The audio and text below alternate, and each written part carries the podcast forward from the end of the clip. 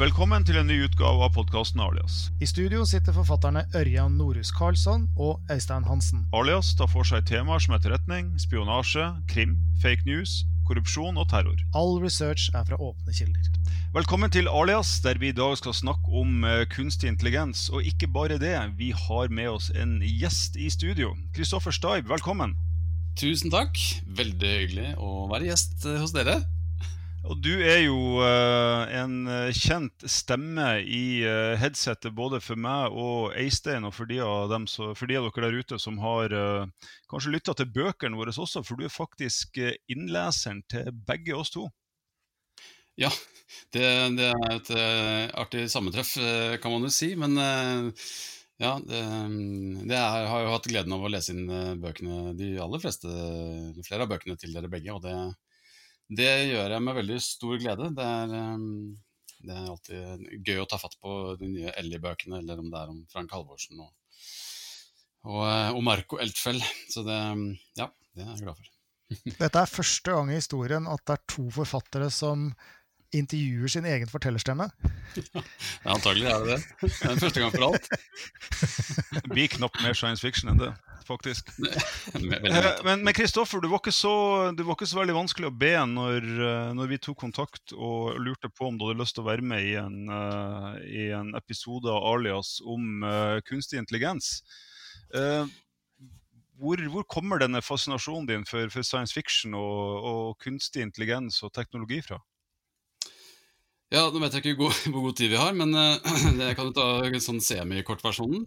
Uh, det dreier seg vel sånn Det stammer jo fra en sånn over gjennomsnittlig teknisk uh, interesse og, og, og, maskiner og ting som durrer og bråker og går av seg sjøl. så um, science fiction-elementet har liksom vært, vært, med meg helt fra, fra jeg var liten sneip. Og data bygde egne PC-er og, og, holdt det gående. Og det liksom både programvare og, og ja, skal si, generell robotikk og sånn syns jeg har vært veldig gøy. Alltid hvis jeg har et eller annet problem i livet, så, så går jeg stort sett rett på teknologiløsningen. Så jeg tenker at her finnes det et eller annet noen som, noen har funnet opp noe som kan hjelpe meg med det her, så da kjøper jeg det.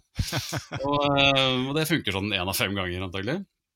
Eh, men så kom jeg i skade for å, eh, for å få litt sånn man-crush på Elon Musk for noen år mm. siden. Um, og da tok det jo ikke sånn veldig lang tid før, uh, før jeg um, skjønte hva han var opptatt av, av stort og smått. Han har jo tatt til orde for um, at AI uh, bør komme på radaren blant beslutningstagere og innen forvaltning og, og, politisk at det bør være Vi må snakke om AI, liksom. Det, mm. det, skjønte jeg på han, og da tenkte jeg hva, hva er dette for noe? Og um, begynte å lese meg opp på det på et veldig sånn lekmannsnivå. Det jo, finnes jo en del sånne for dummies-artikler, kan komme litt tilbake til akkurat hvilke det var. men men så er jo det at hvis du først blir detter i den gryta der, så er jo plutselig Så er det jo ikke noe vei tilbake. Det er litt sånn Matrix-blå pillen eller, eller den røde, husker jeg ikke farta. Men uh, det å se den filmen igjen, f.eks., etter å ha gnagd seg gjennom noen timer YouTube og, og, en del artikler, det var interessant. Det er ikke så lenge siden jeg gjorde det. Og det, da får du et par av de monologene til han, um, han agent Smith, eller Agent Smith blant annet, som er ja. ganske uh, chilling, altså. og så, ja, så dumpa jeg jo borti bøkene til Ørjan her, og, uh, og har vel hatt en kanskje litt sånn parallelt løp, hvor vi har gaina mer og mer interesse for AI begge to. Og så kulminerte det i den siste boka om Marco Eltfeld, sånn rett før jul. Og der uh, datt det jo også på plass. sånn, man, Når man begynner å bli interessert i sånne ting, så er føles det litt som sånn rabbit hole og litt sånn tinfoil hat-tematikk uh, også. Er, det, er, dette egentlig noe uh, verden er opptatt av. Er det en ting, eller er det bare rare folk som tenker på dette? Det, det er det sikkert en Der. er jeg tenker sånn, ja, ja, Det er en del saklige folk som prater om det her, og Stephen Hawking og eh, Bill Gates og Ørjan Carlson og i det hele tatt. Elon Musk mm. han har jo vært langt framme på dette med autopilot på biler. Ja. Det er en uh, avansert form for uh, kunstig intelligens som kreves for å styre en bil og forstå et trafikkbilde. Og der uh, har man kommet langt, men man ser jo også hvor vanskelig dette kan være. Uh, det er jo noen historier knyttet til Tesla, f.eks., hvor man har hatt fatale ulykker. Hvor autopiloten har vært koblet inn, og hvor sjåførene stoler for mye på dette her. De stoler mer på det enn en teknikken, eh, eller eh, ja, vi må jo kalle det teknikk, eh, kunstig intelligens, tillater. For eksempel så ser ikke radaren Altså det er begrenset hva denne radaren som leser veien foran bilen, kan identifisere. Det var et tidlig eksempel, så hadde man at den klarte ikke å identifisere en halv bil. Så når en halv lastebil stakk ut i veien, så så den ikke det som en Tinder. Mm. Det gikk ikke så bra. Ja uh, og så hadde, er det en annen historie om en, uh, sånn, um, et vogntog, eller en semitrailer, da, hvor, som, hvor tilhengeren har kommet på tvers av veien, og da så radaren under den. Mm. Men der var det ikke høyt nok.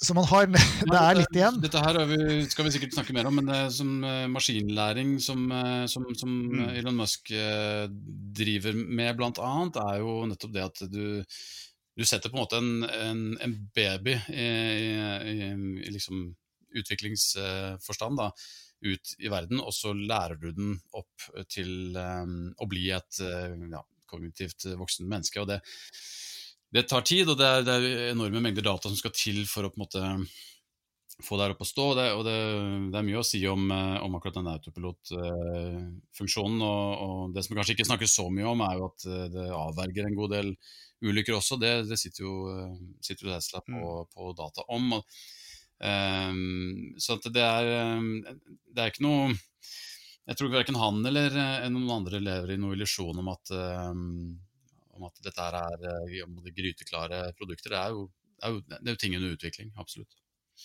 Men jeg vil, jo, jeg vil, jo, gå så langt som å si at hvis eh, man tar som en forutsetning da, at eh, disse kjøretøyene hadde kjørt på vanlige, oversiktlige motorveier, og man kunne kjøre sånne blindtester der halvparten kjørte med autopilot og halvparten kjørte uten, så jeg er nesten helt sikker på at under sånne forhold man vil fremdeles ha noen ulykker, men det vil være færre ulykker enn enn det man har i, der menneskene er, er, sjåfør. Altså Da mener jeg på, på ordentlige veier. Mm. Uh, I Norge så er det jo, jo trafikkdøde, og det her vet jo Eistein bedre, men det har jo gått ned ganske bra år etter år. Men hvis man ser på et land som USA f.eks., så er det jo ekstremt hvor mange som dør i, i trafikken hvert år. Mm. Sånn at jeg tror at vi allerede er der at på, på veier som holder en viss standard, så vil, eh, så vil, autopiloten være i de aller fleste tilfellene bedre enn mennesket. Men problemet er at sånn som jeg ser det i alle fall, man har et voldsomt problem med å akseptere den type ulykker når, når, det er en maskin som står for dem. Da, og man har en tendens til å hauste det opp og se bort fra alle de andre ulykkene som skjer når menneskene uh, har skylda. Ja, da. Og det, er, um, det finnes jo um, Det kan vi sikkert legge ut en link om, men uh, en TED uh, det er ikke en TED Talk, men det er et slags foredrag hvor en, en franskmann som jobber med, med ja, AI-filosofi, han snakker om det, det rundt, eller det moralske dilemmaet rundt selvkjørende biler. og Den er ganske interessant. er sånn seks-sju minutters video. man kan se ganske kjapt. Du var inne på dette, både Kristoffer og, og Eistein. også dette med, altså Hva er kunstig intelligens? Mm. Og Den ene typen kunstig intelligens som, som vi snakker mest om, da, det er jo nettopp maskinlæringa. Mm. Uh, og, og, der har man jo også hatt noen helt fantastiske gjennombrudd, som f.eks. disse som maskiner som står på sykehus og, og er bedre å finne f.eks. hudkreft enn en, en leger. Mm. Uh, og, og, det er også disse maskinene, altså maskinlæringsmaskinene, som, som, slår menneskelige spillere i både sjakk og go og, og Jeopardy også. Men da kommer jo, da kommer jo liksom dette tusenkronerspørsmålet selv om disse maskinene i dag f.eks. ville ha lurt et menneske, altså bestått denne såkalte Turing-testen, som er et eksperiment der eh, mennesket ikke er i stand til å avgjøre om det er en maskin eller et menneske som kommer med svarene på de spørsmålene han eller hun stiller, så er man jo fremdeles et godt stykke unna det som vi kanskje egentlig tenker på når vi snakker om kunstig intelligens, nemlig selvbevisste maskiner. Mm. Ja.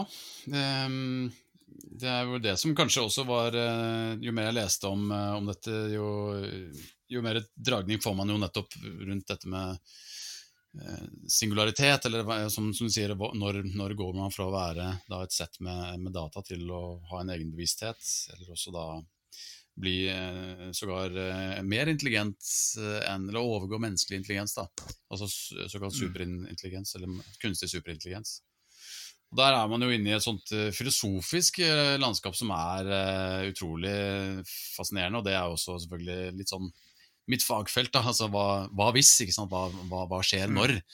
Um, dette med at vi som art plutselig kan bli forbipassert i, i, på rangstig, eller på, i næringskjeden av våre egne produkter. Det er jo et, et vanvittig uh, tankespill uh, som, uh, ja. Ja, som, som, er spennende. Men, det, ja, ja, det er jo en del av disse evolusjonsbiologene som, som altså Noen mener i alle fall at at dette nærmest vil være et naturlig trinn i evolusjonen. At, uh, at, hvis vi skaper noe som er smartere enn oss, og i så måte på sikt blir tilsidesatt av det, så eh, sånn rent evolusjonsmessig så er jo ikke det noe katastrofe. Da har egentlig bare vi gjort jobben vår.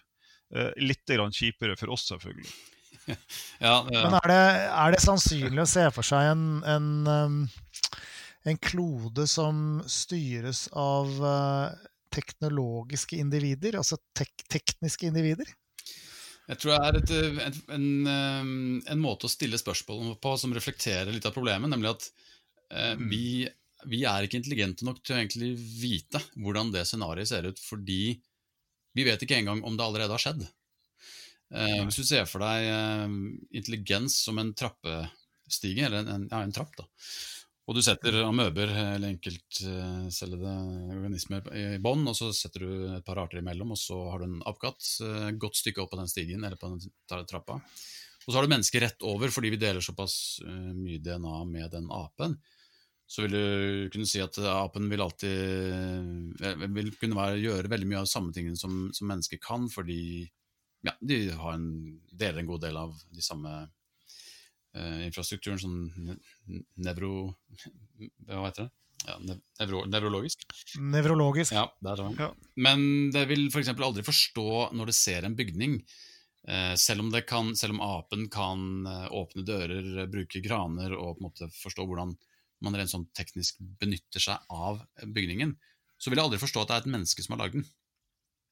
Og på samme mm. måten så hvis man havner der at en superintelligens måtte forbigår menneskelig, menneskelig, intelligens, og kanskje er da 500 trappetrinn høyere enn mennesket, um, så vil problemstillinger som fortoner seg som helt uh, uoverstigelige for et menneske, vil være den enkleste ting av verden for en, en superintelligens. Uh, så at, uh, hvilken form det vil anta, om det vil være om det vil rett og slett være et, et fragment of our imagination, altså et, eh, et, liten, et lite frø i vår bevissthet, eller om det vil være en gass, eller om det vil anta rett og slett en fjerde, femte, sjette dimensjon, eller noe, det, det, vil vi nok ikke klare å Det er ikke sikkert vi vil klare å kommunisere med denne superintelligensen engang. Og det er jo Da, da er man liksom litt i Ja, hva så-land? Ja, altså det er jo, det er jo noe som, som kan illustrere litt det som Kristoffer uh, snakka om. Det er jo uh, denne AlfaGo-sjakkmaskinen, uh, både, både, Go og sjakkmaskinen, da, som spiller et spill, uh, sjakkspill og også Go, da, på en sånn avansert måte at de menneskene som har skapt denne algoritmen, da, ikke er i stand til å forstå hvordan den tenker. Altså Maskinen i seg sjøl blir, blir, en sånn sort boks der det foregår massevis av kalkuleringer. og den tenker så mange trekker frem at uh, I hvert fall når de sto og diskuterte når AlphaGo spilte mot uh, denne Deep Blue som IBM hadde, hadde utvikla, så var det jo flere ganger der man var sikker på at nå vil Deep Blue vinne, og så viser det at AlphaGo spiller et helt annet spill. Mm. Uh, og, og, man er ikke i stand til å forstå det annet enn at den enten vinner eller spiller remis. Den tapte aldri på 100, 100, ganger. Og det tror nok det er litt sånn også når det gjelder uh, oss å forstå hva som kanskje faktisk allerede har skjedd, eller som du sa, Kristoffer, ikke forstå det. Mm. Men jeg syns det er litt interessant å reflektere over det, det, Hvis man forestiller seg en intelligens som er eh, svært mye høyere enn den vi er i stand til å fatte da, eh, som mennesker, så tenker man veldig ofte på en, uh, et, et, en teknologisk konstruert ting. Mm. Men hva om dette er en biologisk ting? jeg vet ikke om noen av dere har lest boken 'Svermen' av Frank Schetzing. Mm. Han tyske, tysk forfatter som faktisk har en forsker, Sigurd Johansen, som jobber i Statoil, som hovedperson, mm. som finner en spesiell type mark på bunnen utenfor Norge som, som på en måte viser seg å være en slags um, skapning oppstått som en konsekvens av biprodukter fra oljeutvinning. Men det den boka tar som utgangspunkt, er at havet har en, har en kollektiv eksistens, en mm. kollektiv intelligens. Ja. Som også kan kommunisere med omgivelsene. Sånn Hivemind-teori er jo veldig, veldig sentralt i, innenfor kunstig intelligens. Man mener jo egentlig at altså Man kan jo faktisk lese uh, internett da, som uh, en hivemind. Ja. Så hvis man aksepterer uh, en del sånne AI-filosofiske premisser, da, så kan man også se på hele, altså hele Eh, planeten vår som, som det. En, altså en, mm. noe, noe, styrer eh, DNA, eh, noe bestemmer at, eh, at, noe skal gå fra å være et frø og et egg til eh, å se ut sånn og sånn. Ja, vi kan forklare det, hvordan, hvordan det skjer, når, når, vi først aksepterer at det skjer. men men ikke, vi, vi, er, vi, er, vi, sitter jo ikke med fasiten på hvem som har programmert det til å bli akkurat sånn. Og, og, og kloden fungerer nå engang sånn som den, gjør, det er, det er, den går jo i et kretsløp, men det er ingen som. Sitter med, sitter med liksom, eh, koden. det ville jo ikke vært alias dette her om vi ikke hadde dreid eh, samtalen vår litt inn på uh, hva dette betyr for uh, sikkerhetspolitikk, uh, militær, forsvar, de hemmelige tjenestene. Det er jo et sitat som, som blir brukt om, som blir tillagt Putin, som det er en del uh, man så litt tvil om. Men, men, han har formulert seg rundt uh, noe lignende av at uh, den nasjonen som, som, vinner kappløpet om å utvikle en kunstig intelligens, vil være en, vil være en verdensledende nasjon. At, at, dette per definisjon egentlig er det nye, nye våpenkappløpet. Da. Der er det vel mye som tyder på at Kina har kommet langt. Med, med deres veldig systematiske overvåking, er det ja, ikke det? Hvem vet, si. ja.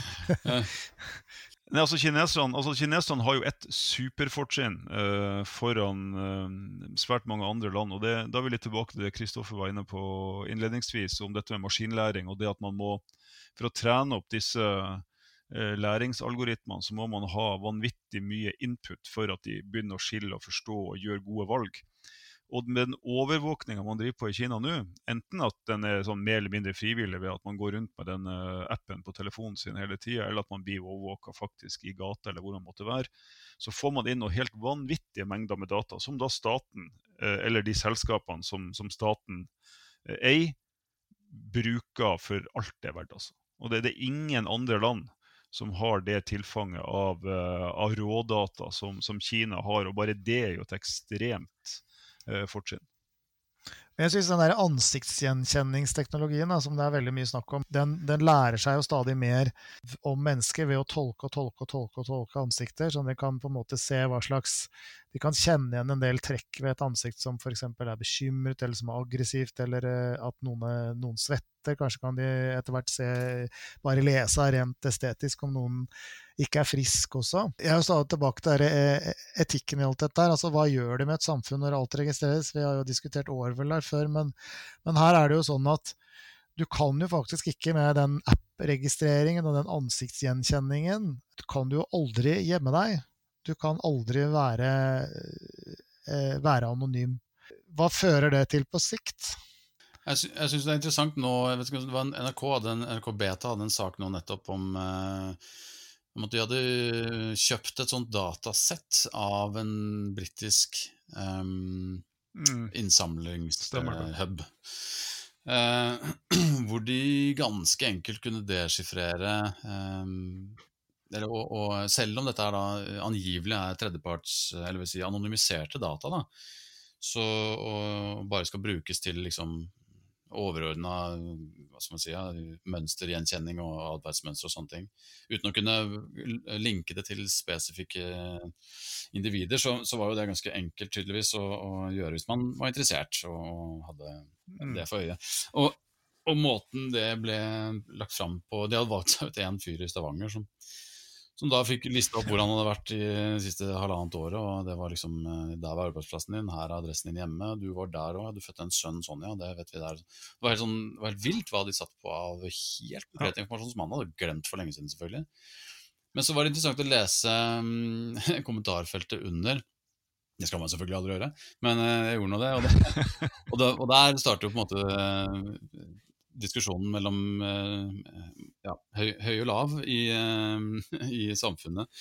Uh, og der dukker det jo opp uh, folk sier ja, men altså Jeg veit ikke, jeg. Ja ja, så blir vi overvåka. Det blir vi jo uansett, det, liksom. Altså, herregud, alle veit jo sånn og sånn, og ja, 5G her, og, ja. og, og, staten sånn, og jeg har ikke noe å skjule. Så lenge du ikke er kriminell, så har du vel ikke noe å skjule. Og det er det syns jeg er kanskje det mest skremmende med, med den type ja. datainnsamling. Ja samme saken så var det jo eh, eksempler på at eh, amerikanske myndigheter har jo kjøpt eh, tilsvarende informasjon om eh, innvandrere eh, fra Mexico og Sør-Amerika, hvor de har fulgt dem helt eh, i detalj fra de kommer mot den amerikanske grensen, krysser grensen, ser hvilke hus de drar til.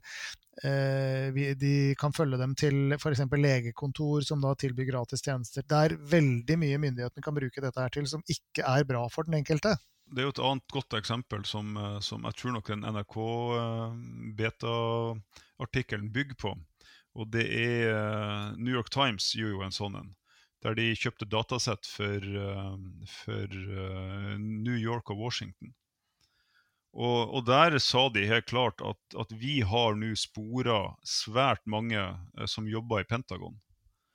Eh, fra de drar fra jobb og til de kommer til Pentagon og til de drar hjem igjen. Dette gjengir vi ikke i avisa, for vi mener at det vil være et, et sikkerhetsbrudd. rett og slett. Mm. Men, men, så enkelt var det. Altså, du kan rett og slett kartlegge hvem som jobber hvor.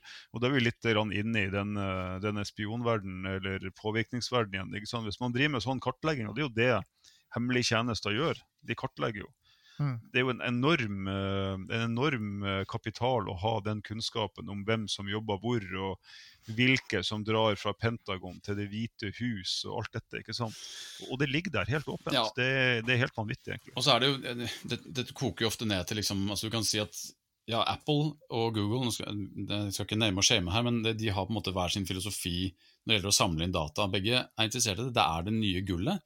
Persondata, eller mm. altså, ja, personlige Eller atferd. Det å samle inn folks atferd er, er så verdifullt at man velger å gjøre det på litt forskjellige måter. Eh, Kina gjør det på sin måte, som du sier USA gjør det på sin måte.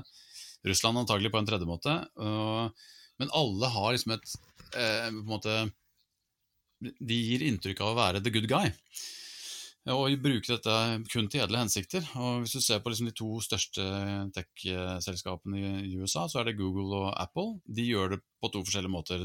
Apple samler inn enorme mengder data men de, mm. i hvert fall ikke i regnskapene, så syns, så syns de ikke at, det det, at, de tjener penger på det. Så man vet ikke helt om de gjør det, eh, eller hva de nå bruker det til.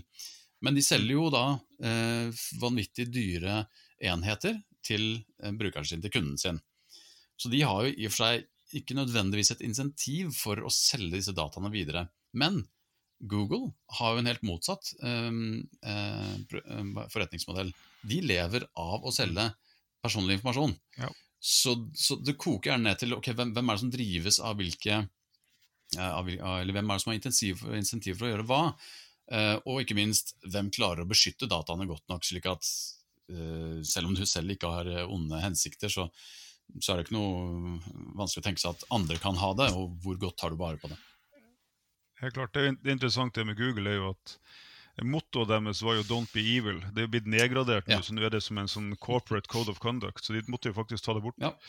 Uh, men, uh, men, men, det er nå så Nei, altså, og da tenker jeg jo at et, det ville være et fortrinn etter hvert om noen faktisk kan tilby denne sikkerheten. Uh, ikke fordi at man går rundt og tenker på å gjøre noe galt, men fordi at det å bevare Eh, anonymitet eh, er jo en menneskerett. Eh, sånn, som, sånn, som, jeg ser det, i alle fall. Og det, jeg tror vi glemmer det. Jeg tror at vi rett og slett bare vilje aksepterer det. Og her er man jo forskjellig også, hvis man spør. og det har man jo gjort.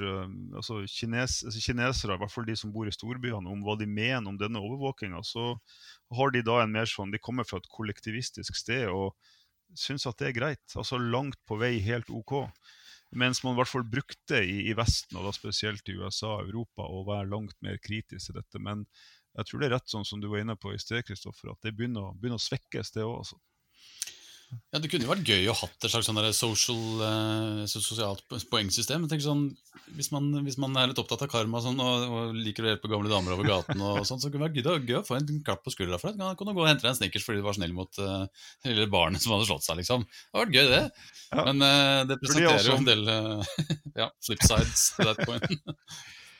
det, det, vi, vi, uh, for de av dere som ikke har hørt uh, Orwell-episoden vår, så diskuterer jo vi uh, denne vi, vi, har jo kalt det for denne spill, spill Sims i levende livet-varianten i, i, Kina. Mm. Der du får plusspoeng for å være Eller du får i hvert fall ikke minuspoeng for å oppføre deg. og så blir du straffa hvis du går på rødt lys eller sniker på trikken eller noe sånt, og faktisk da kan ende opp med å, å ikke få kjøpt togbilletter og slike ting hvis du har for mye minuspoeng i den appen mm. som alle nærmest er nødt til å bruke i Kina. Ja, Man skal ikke sånn innmari langt inn i koronatematikken før man begynner å se at uh, vi har en del ting i Norge vi, vi, er, vi, er, på en måte glad i å mene noe om vår egen og andres moral. Og, ehm, og der ehm, Ja, nei, det, det, kan hende det bare gir seg litt annet utslag her enn det gjør eh, i andre samfunn.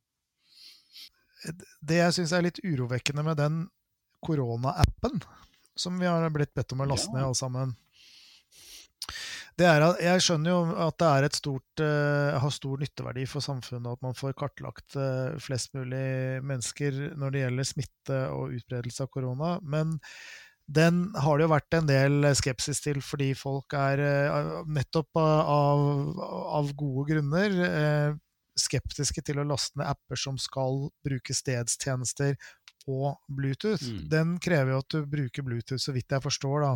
Og det er jo en av de største snopeinnretningene som fins. For de som lever av å, å, fiske ut informasjon fra andre mobiler, de bruker jo sånne Bluetooth-beacons ja. f.eks. rundt omkring. Så her er det, der er det, kan vi si at eh, det onde biter det gode i rumpa. jeg, jeg, vil en liten tur tilbake til de, de, hemmelige tjenestene. Øystein, du var inne på det i sted at om de ikke er i stand til å se om du lyver, så de er i alle fall i stand til å registrere eh, sinnsbevegelsen basert på sikkert både kroppstemperatur og bevegelse i disse små musklene man har i ansiktet, som, som, som kan røpe utrolig mye. Og eh, denne typen teknologi kan du allerede nå få montert i briller. ikke sant? Så Du kan jo få et sånn overlegg der som vil, vil gi deg en, uh, den type data når du ser på en annen person. Uh, og det som man uh, kan lagre i et par briller, vil jo en gang i fremtida også kunne, eh, vil jeg tro, integreres i linser. Og i det øyeblikket du har det der med tilgang til en interface, så vil du jo faktisk kunne gå rundt og ha en ganske klar idé om hvem er det rundt deg som, som snakker sannferdig og ikke. Hvem er det som har noe å skjule, hvem er det som ikke har det så bra. Og Én ting er at dette kan være nyttig for de hemmelige tjenestene. Problemet er jo selvfølgelig at hvis alle har det, så, så blir det jo en ganske paranoid verden der ute. Men en annen ting som har slått meg, er jo at hvis man snakker med sånne uh, sosialvitenskapsfolk, altså antropologer eller sosiologer eller psykologer, så er det jo ufattelig mange ganger i løpet av en dag vi forteller hvit løgn. Enten for å være høflig, eller fordi at ikke vi kanskje tenker oss så mye om. Men, men, ikke sant, hvis man får registrering på det også, så vil man jo se at vi, de, de aller fleste av oss de går jo rundt og er sånne små Donald Trumper uten at vi egentlig helt er kjente. Men, men det, jeg prøvde å finne ut hvordan kan man lure disse her uh, ansiktsgjenkjenningskameraene. Uh, og det kan man, men det er mye styr, da. Men det fins jo masker som, som, gir deg eh, forskjellige karakteristikker i ansiktet som gjør at disse skanner De skanner jo ansiktet ditt akkurat som du beveger eh, øynene dine når du leser et menneske. Mm. Og hvis det f.eks. har på en maske med noen sånne vertikale streker i, som gir noen sånn nivåforskjell, sånn, så klarer ikke denne teknologien å kjenne deg igjen. En annen triks du kan bruke, er også at du har Men det er, litt, det er veldig anstrengende i lengden. Det er å gå med sånt lys langt framme, sånn, sånn, som den fisken som har sånn lys hengende rent foran kjeften, som lyser rett inn i fleisen din. For da, da får du andre trekk da i ansiktet, så da kan du ikke gjenkjennes. Så det, Hvis du ser folk som går med lommelykt i panna vendt inn mot ansiktet, da kan du regne med at de har ikke rent mel i posen. Nei, nei, nei. Ja, eventuelt er det ekstremt stupide mennesker. Men, uh, men jeg, jeg, ser jo for meg her at, at nå er det jo ikke lenge til denne skrekkfilmen kommer der, uh, der noen finner ut at det beste virkemidlet for å liksom ikke uh, vise uh, følsomme ansikt, er jo selvfølgelig å ta dette, denne huden fra et allerede dødt menneske. Mm. Men det holder ikke det heller, vet du. Fordi at de, det er øynene. Det er avstand ah. mellom øynene og pupillene. Så du må inn der og fikse hvis du skal klare å Og jeg tror det er Du kan gjøre hva som helst med et ansikt, men du kan, jeg tror ikke du kan endre avstanden mellom eh, øynene. Nei. Hører, nei, nei, kanskje ikke. Det, det, jeg ble bare satt ut der. Jeg bare så tenkte på hvordan man kunne forandre avstanden mellom øynene. Det har ikke vært hyggelig på noen som helst måte. tenker Det er ganske rart at du vil det. Hvem, hvem vil det? Vi må snakke om hvordan kriminelle kan bruke dette. Det gjør de allerede. Det brukes jo masse eh, av den type teknologi i hacking f.eks. Uh, det fins ganske avansert sånn hackerware som kan uh, forutse og tolke sånne captchaer, har jeg skjønt. Mm. Men uh, det de også bruker, er jo selvfølgelig autonome kjøretøy og droner. da, Selvflyvende uh, farkoster. Uh, til å frakte ting man helst ikke vil bli tatt med selv på grensen. Så dette er jo i ferd med å bli industrialisert i kriminelle konsortier også. Og så, så, vidt jeg vet, så er jo uh, noen av de største sånn, forskningsmessige satsingene fra det amerikanske forsvaret er jo autonome våpensystemer som uh, på slagmarka da, som da skal gjenkjenne uh, sine egne soldater og åpne ild og, og, engasjere da alle de som ikke kan identifiseres. Sånn at disse Reaper-dronene og alt det som man bruker i dag, alle de, i hvert fall de som man bruker til å ta livet av folk, de er jo fremdeles styrt av en pilot. Men det er jo ikke utenkelig at man eh, på et eller annet tidspunkt kan uh, sette sånne droner uh, nærmest sånn 24-7 mm. over et område med tre-fire identifiserte mål med, med ordre da, om å åpne ild når man er sikker på at de er identifisert, og at det skjer helt automatisk. Det er ganske, ganske skremmende å tenke på. og Det er jo en måte som uh, de som går, gjør bruk av sånne virkemidler, nesten ikke risikerer noen ting som helst. De risikerer i alle fall ikke egne menneskeliv. Men alt, alt liksom hva, hva, som er mulig å få til øh, og ikke Man tenker seg liksom at det, det, vil aldri kunne skje, eller det, det, er for, det, er for, avansert for en maskin å lære seg sånn. Sånn, sånn ok, så Hvis vi går tilbake til bilkjøring, da. Det er, det er egentlig veldig, veldig øh, lite av, av et menneskes sanser som skal til for å operere et kjøretøy. Det er i all hovedsak uh, synet du, du, lener deg på. Det er verken i liten grad hørsel og ikke lukt, og ikke berøring heller. Og jeg mener, um, Den Teslaen som jeg uh, eier og kjører, den har åtte kameraer. Og den har en prosessor som på en måte overgår prosessorkraften til 100 Macbook Pros, et eller annet sånt noe da er det ikke sensorkapasiteten det er noe uh, i veien med. Det er rett og slett um, maskinens evne til å omsette uh, sanseinntrykk til uh, Altså lære seg hvordan den kjører bil. Og, og, og det er jo ikke noe vanskelig å lære et menneske, og det er ikke noe vanskelig å lære et, et program, en programvare.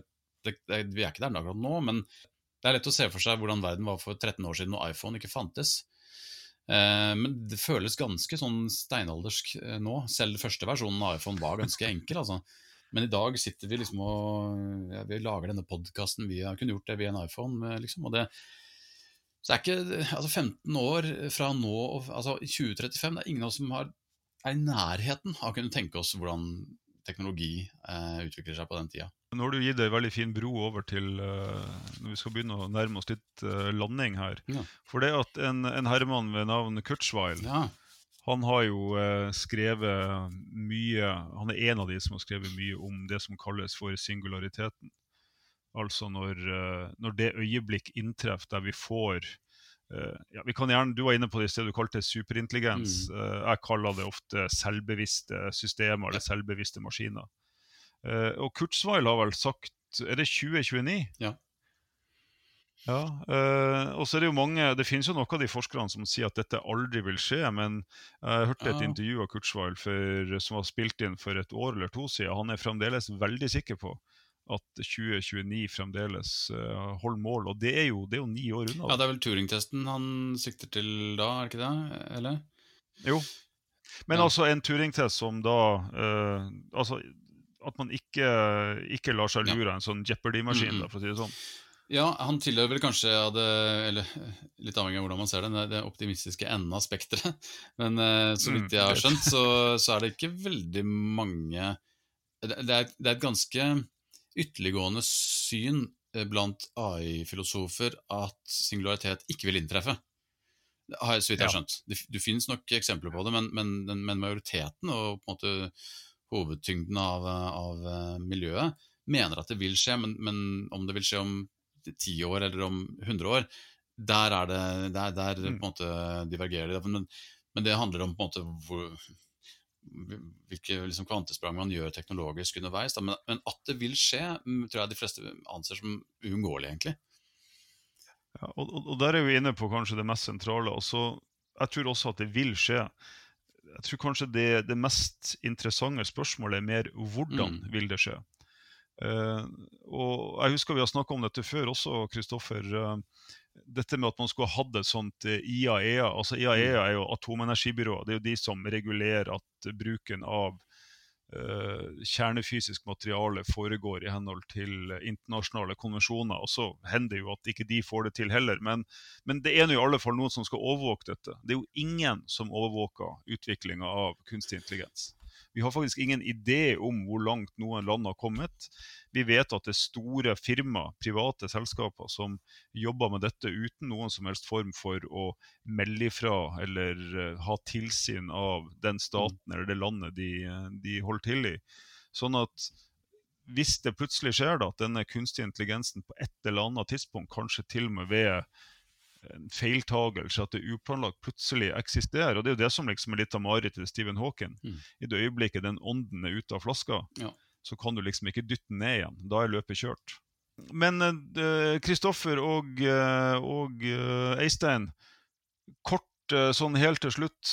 Herrene Bill Gates, Elon Musk og Stephen Hawking mener at kunstig intelligens er enten på topp eller på topp tre av eh, de truslene som eh, i verste fall kan utslette menneskeheten. Er dere enige?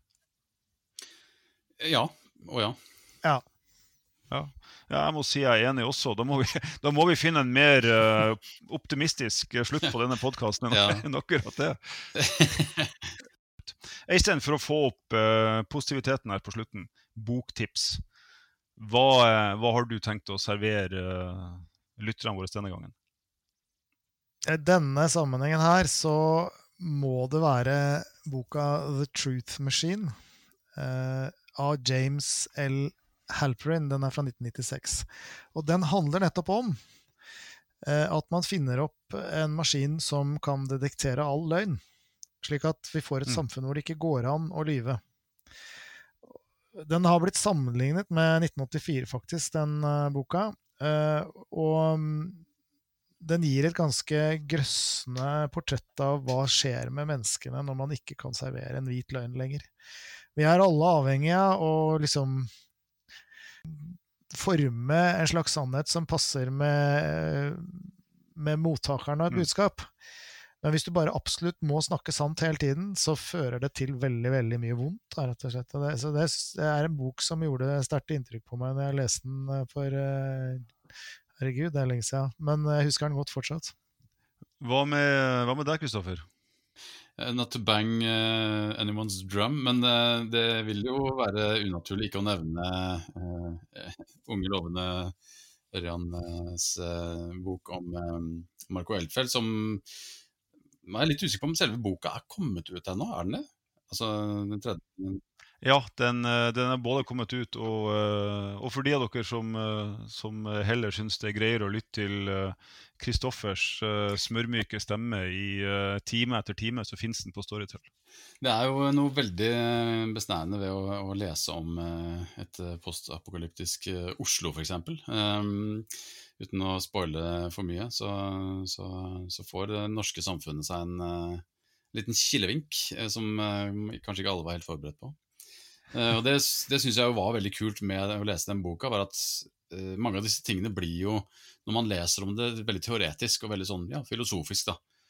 Mm. Mens når du kommer inn i kjente former, geografi du er vant med, eh, politiske systemer, litt framtid, litt eh, veldig fjern framtid, litt ganske nær framtid, så var det en del som brikker som datt på plass og tenkte sånn, ja, da, da, da, da får det en stofflighet som um, som jeg, som jeg ikke hadde hatt på det før. Ja, og for egen del så tenkte jeg skulle uh, løfte frem en, en, gammel klassiker, nemlig uh, William Gibson si uh, 'Nuromancer'. Mm. Som ble vel skrevet så vidt jeg husker, en gang på tidlig 80-tall. og Det er da den første science fiction-boka der begrepet cyberspace blir brukt.